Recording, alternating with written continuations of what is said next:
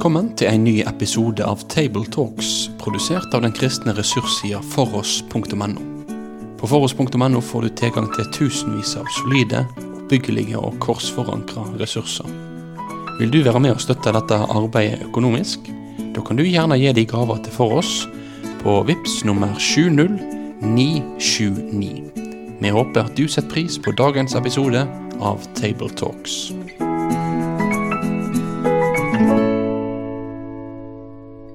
Hjertelig velkommen til Table Talks. Og eh, i dag er det fastelavns søndag vi skal snakke om.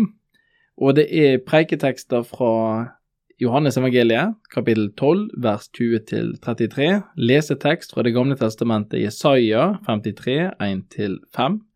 Og lesetekst fra Det nye testamentet er første Korinterbrev 1, 18-25. Mitt navn er Vegard Soltveit.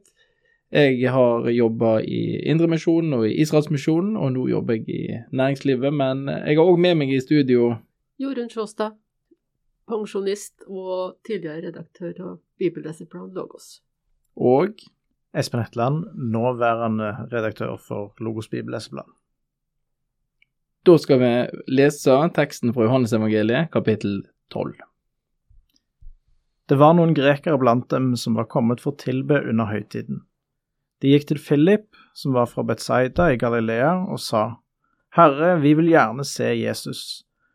Philip gikk og fortalte det til Andreas, og sammen gikk de og sa det til Jesus. Jesus svarte, Timen er kommet da menneskesønnen skal bli herliggjort. Sannelig, sannelig, jeg sier dere, hvis ikke hvetekornet faller i jorden og dør, blir det bare det ene kornet. Men hvis det dør, bærer det rik frukt. Den som elsker sitt liv, skal miste det, men den som hater sitt liv i denne verden, skal berge det og få evig liv. Den som vil tjene meg, må følge meg, og der jeg er, skal også min tjener være. Den som tjener meg, skal min far gi ære. Nå er min sjel fylt av angst. Men skal jeg så si, Far, frels meg fra denne timen? Nei, til denne timen skulle jeg komme. Far, la ditt navn bli herliggjort. Da lød en røst fra himmelen. Jeg har herliggjort det og skal herliggjøre det igjen. Mengden som sto omkring og hørte dette, sa at det hadde tårnet. Andre sa det var en engel som talte til ham. Da sa Jesus, denne røsten lød ikke for min skyld, men for deres. Nå felles dommen over denne verden, nå skal denne verdens fyrste kastes ut. Og når jeg blir løftet opp fra jorden, skal jeg dra alle til meg. Dette sa han for å gi til kjenne hva slags død han skulle lide. Det er jo fastelavnssøndag. Og da tenker vi at det, er innledninga på fasta, men det er det jo ikke. Fastelavn var egentlig, er egentlig kvelden før askeonsdag. Og så ble det etter hvert sånn at de kalte fastelavnssøndagen for fastedagen. Og så ble det da etterfulgt av blåmandagen og feitetirsdagen før askeonsdagen kom. Og så var det 40 dager med faste. Men eh, det er jo ikke faste vi leser om her. Nei. Det er jo en lang tekst, eh, og vi, skal snakke om teksten. Og, men vi kommer ikke til å komme innom alt. Men dette er en rik tekst, og du har jo mulighet til å lese og finne poeng. Men ett poeng er jo kanskje det som ikke står i teksten, men det som har stått i tekstene rett før. For i Johannes-evangeliet skjer det jo noe i overgangen fra kapittel 11 til kapittel 12. Eh, fra kapittel 1 og til og med 11 så har jo Jesus hatt et offentlig virke ut. Han har gått rundt, og det har vært eh, forskjellige under, eller tegn, som Johannes kaller det, messianske tegn, som er gjort for at dere skal tro, som er avslutningen. Men herfra så, så er det veldig mye eh, monolog, eller hva skal vi si, fra Jesus.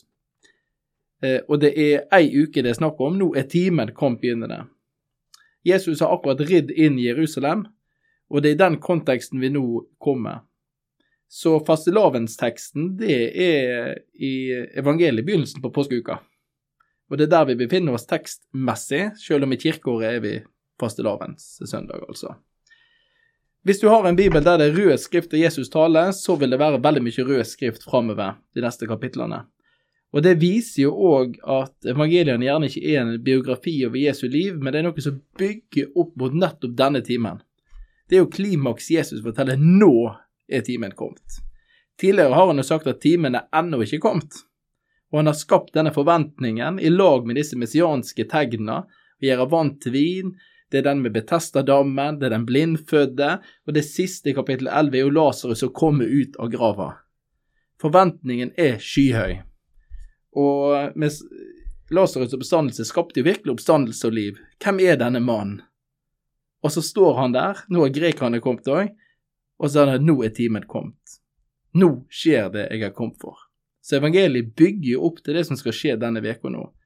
Og Derfor er Jesu død oppstandelse på påskeuka det er ikke en parentes enn den kristne tru, men det er selve kjernen i hva det handler om. Og så er det jo veldig fint at evangeliet er bygd opp på en sånn måte som sier at nå er vi kommet til det viktige. Nå er timen kommet. Og så må vi spørre oss hva er det som gjør at Jesus sier dette akkurat nå? Altså, dette sier han jo etter at han har marsjert inn i Jerusalem. Eh, Fariseerne har reagert på, har reagert på det store oppstyret og alt som skjer. Men det som antageligvis gjør at han sier dette, er nettopp at det er grekerne som kommer til han. I løpet av evangeliene så leser vi noen få ganger at Jesus oppsøker områder hvor, eh, som ikke var jødiske områder. Det er noen få tilfeller hvor han møter eh, hedningene. Men dette er det store øyeblikket hvor grekerne oppsøker han. Eh, og Det kan jo se ut som en detalj, egentlig, men for meg virker det som at dette er liksom, det dette som er beveggrunnen til at nå er timen kommet. Nå er jo grekerne kommet til Jesus. Folkeslag og strømmer mot menneskesønnen. Uh, og det får han til å si timen er kommet for at menneskesønnen skal bli herliggjort. Og så vet vi som jo tross alt har lest resten av evangeliene, at det er jo ikke en klassisk herliggjørelse vi skal se den neste uka. Vi skal se Jesus som taler, det er det ene, men hele påskeuka leder jo nettopp fram mot Jesus som henger på korset. Eh, så han skal bli herliggjort gjennom å bli eh, fornedra. Mm. Og det er jo det store paradokset med Jesus. Og Det er jo litt det fra leseteksten og fra Isaiah eh, i dag. Altså den, den, denne kontrasten du finner i disse, disse kapitlene i Isaiah rundt 50, sant? 52, 53 og 44 osv. Den store, altså Herren og kongen, og så den som en lidende tjener. Og Det får du òg i denne teksten. altså Hva er det Jesus sier? altså Timen er kommet, han skal bli herliggjort. Og denne herlig, altså Når han skal herliggjøres, så handler det altså om å bli løftet opp på korset. Det er korsdøden han også snakker om. Her får du dette eh, paradokset eh, som du òg finner i leseteksten fra Isaiah, som for mange har blitt et anstøt, som vi òg leser i, i preketeksten fra Det nye testamentet. Altså denne dårskapen i evangeliet, paradokset. Han vinner når han ser ut som han taper. Der vinner han seier. Sånn blir han herliggjort. Og Derfor snakker han videre eh, om det som senere har blitt omtalt som hvetekornets lov, eller Guds rikes lov, at eh, for at det skal oppstå liv, for at vi skal få se stor frukt, så må hvetekornet falle død til jorda. Og Det er jo nettopp det som skjer i påskeuka. Han snakker jo om seg sjøl og sin død, at for at Jesus skal kunne bringe velsignelse, fred, shalom til alle folkeslag, til og med til grekerne, så er det så veien han går, er veien til korset og til oppstandelsen som kommer etterpå. Men så sier han jo òg det at det er veien for dem som tror på ham. At hvis, det, hvis, den som elsker livet sitt, skal miste det, men den som hater livet sitt i denne verden, skal berge det og få evig liv.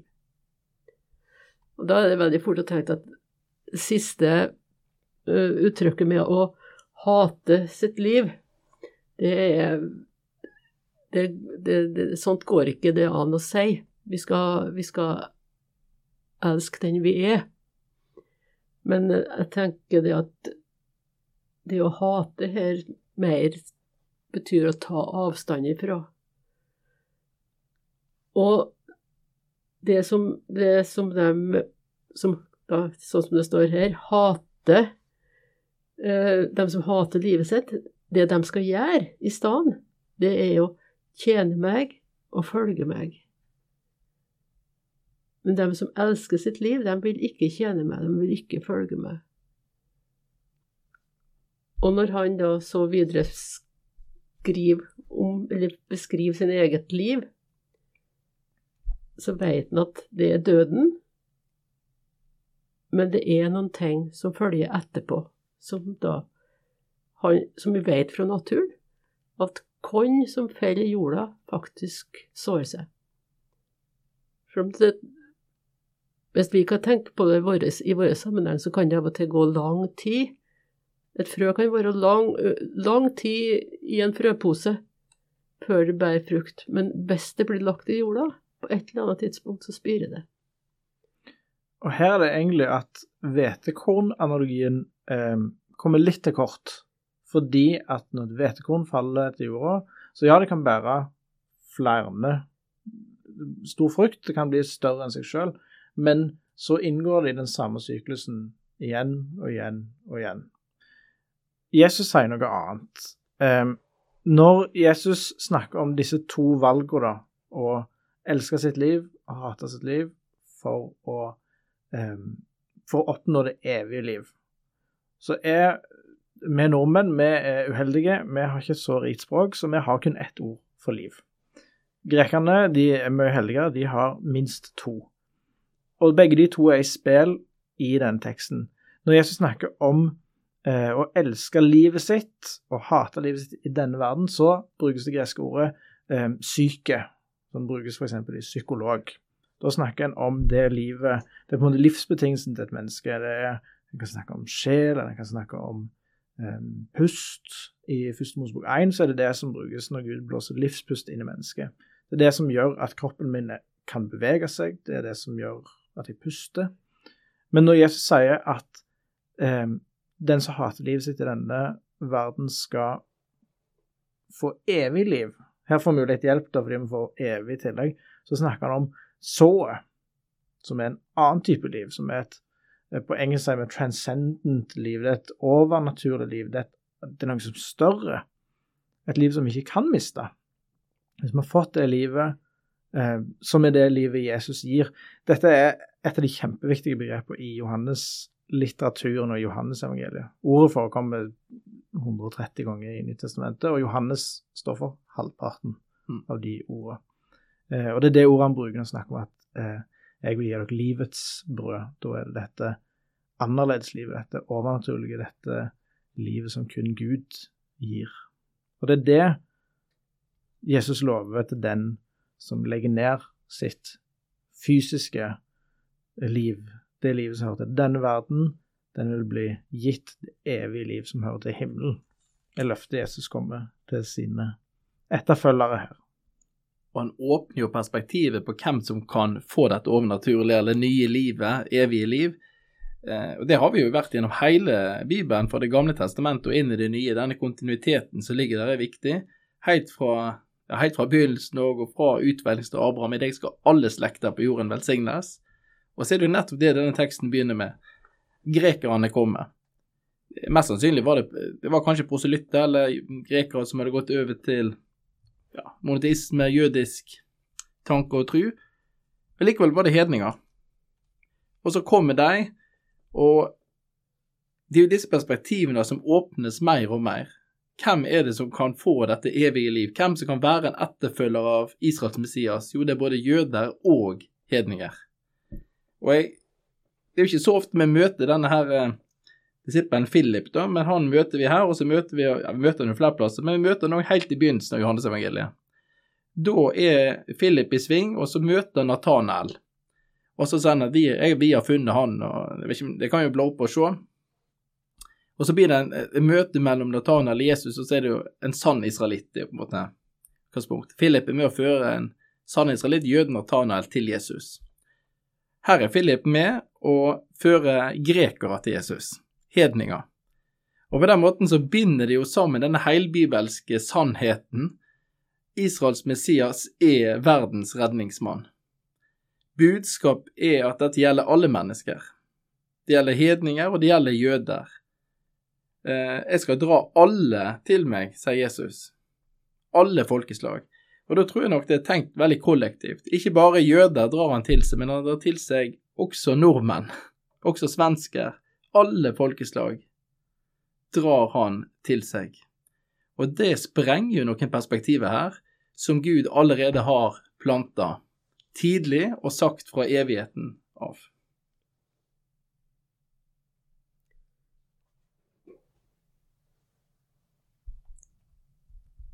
Den som vil tjene meg, må følge meg, og der jeg er, der skal tjeneren min òg være. Jeg tenker den setningen er med å skrumpe inn, eller avgrense, alle. Det er, ikke, det er ikke sånn at alle blir tatt opp til Gud, uansett om de tror på Han eller ikke. Det er dem som vil følge meg og gjøre det jeg vil, som er inn i den gruppa. Men det, den, den etterfølgelsen kommer for oss mennesker på samme måte som for Jesus med en pris. Og Jesus er så tydelig, syns jeg, når han sier i forlengelse av det at nå er sjela mi fylt av angst. Det som da venta, skremte han.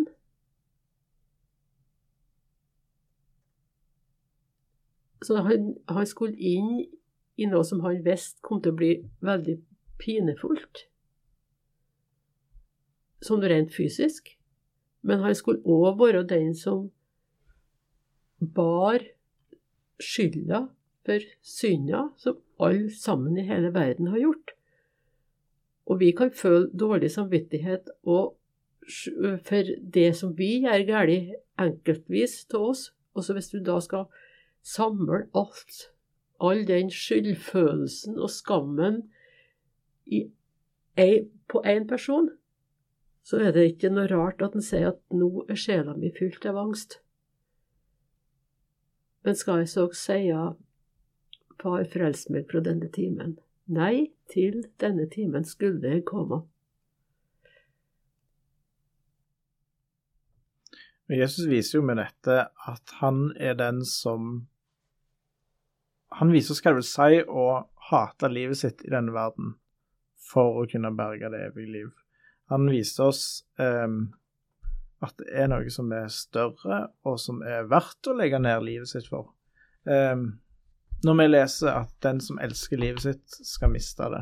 Altså, den som elsker livet sitt, det er jo de som elsker livet sitt så høyt at de ikke vil legge det ned for å følge Jesus.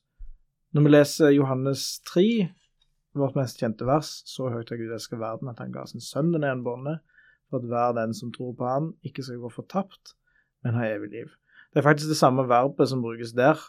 Ikke skal gå fortapt, er det samme som skal miste det i denne konteksten av Pollemy. Eh, så der får vi en link da, som går i Johannes evangeliet. Det er disse tingene som er på spill da, når vi eh, Vi må velge hva livet vårt er. Er livet vårt eh, Setter vi livet i denne verden over det livet Jesus vil gi oss, over kallet vårt til å følge Han, så er konsekvensen at vi skal miste det.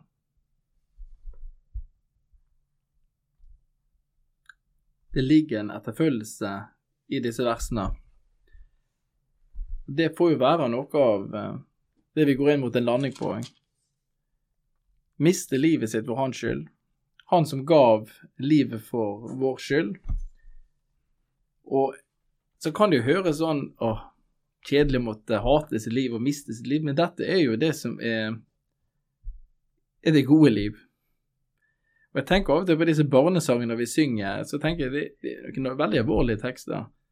Den her, eller Det betyr veldig masse å si det som voksen, da, synger disse barnesangene. Den om jeg er liten eller stor, så er det best for meg på jord å høre Jesus til og gå den vei han vil. Det er det som gjør meg lykkelig. Og det hadde jeg ingen problem med å synge da jeg var liten, men så, jo eldre jeg blir, jo mer alvorlig er den teksten. Det er, det er, det som gjør meg lykkelig. Det er det som gir meg mening, da om jeg er liten eller stor.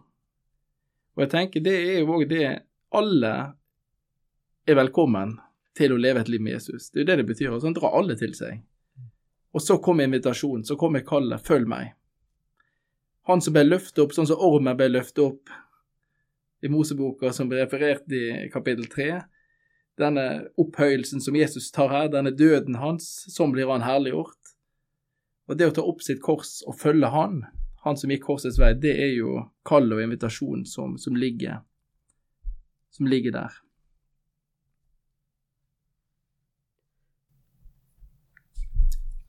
Jesus og følget hans er på vei opp til Jerusalem. Vi skal jo ikke nødvendigvis til Jerusalem i fysisk forstand, men vi skal opp nå de neste ukene i, i fastetida og følge Jesus i det han gjør, i det han sier. Og så var det da litt av hensikten kanskje med fastetida at, at vi skulle bli mer lik han i løpet av den tida og ha litt mindre fokus på oss sjøl, og litt mer fokus på målet, som også Jesus sa. Ikke bare korset, men også det som skjedde tre dager senere. Det er da det faktisk blir herliggjort. Det er da han blir herliggjort for øynene på dem Sånn som da Jesus, eller Gud, sier når, når han eh, taler fra himmelen. Jeg har herliggjort det, og skal herliggjøre det igjen. Det får vi se etter hvert. Da vil vi si takk for at du valgte å få med deg denne episoden av Tabletalks, produsert av den kristne ressurssida foross.no. Driftinga og utviklinga av nettsida vår den er avhengig av gode og trufaste støttespillere. Vil du gi ei gave til dette arbeidet? Da kan du gi den via VIPS nummer 70929, eller så kan du besøke foross.no for mer informasjon om å kunne bli en fast giver. Ha en god dag videre.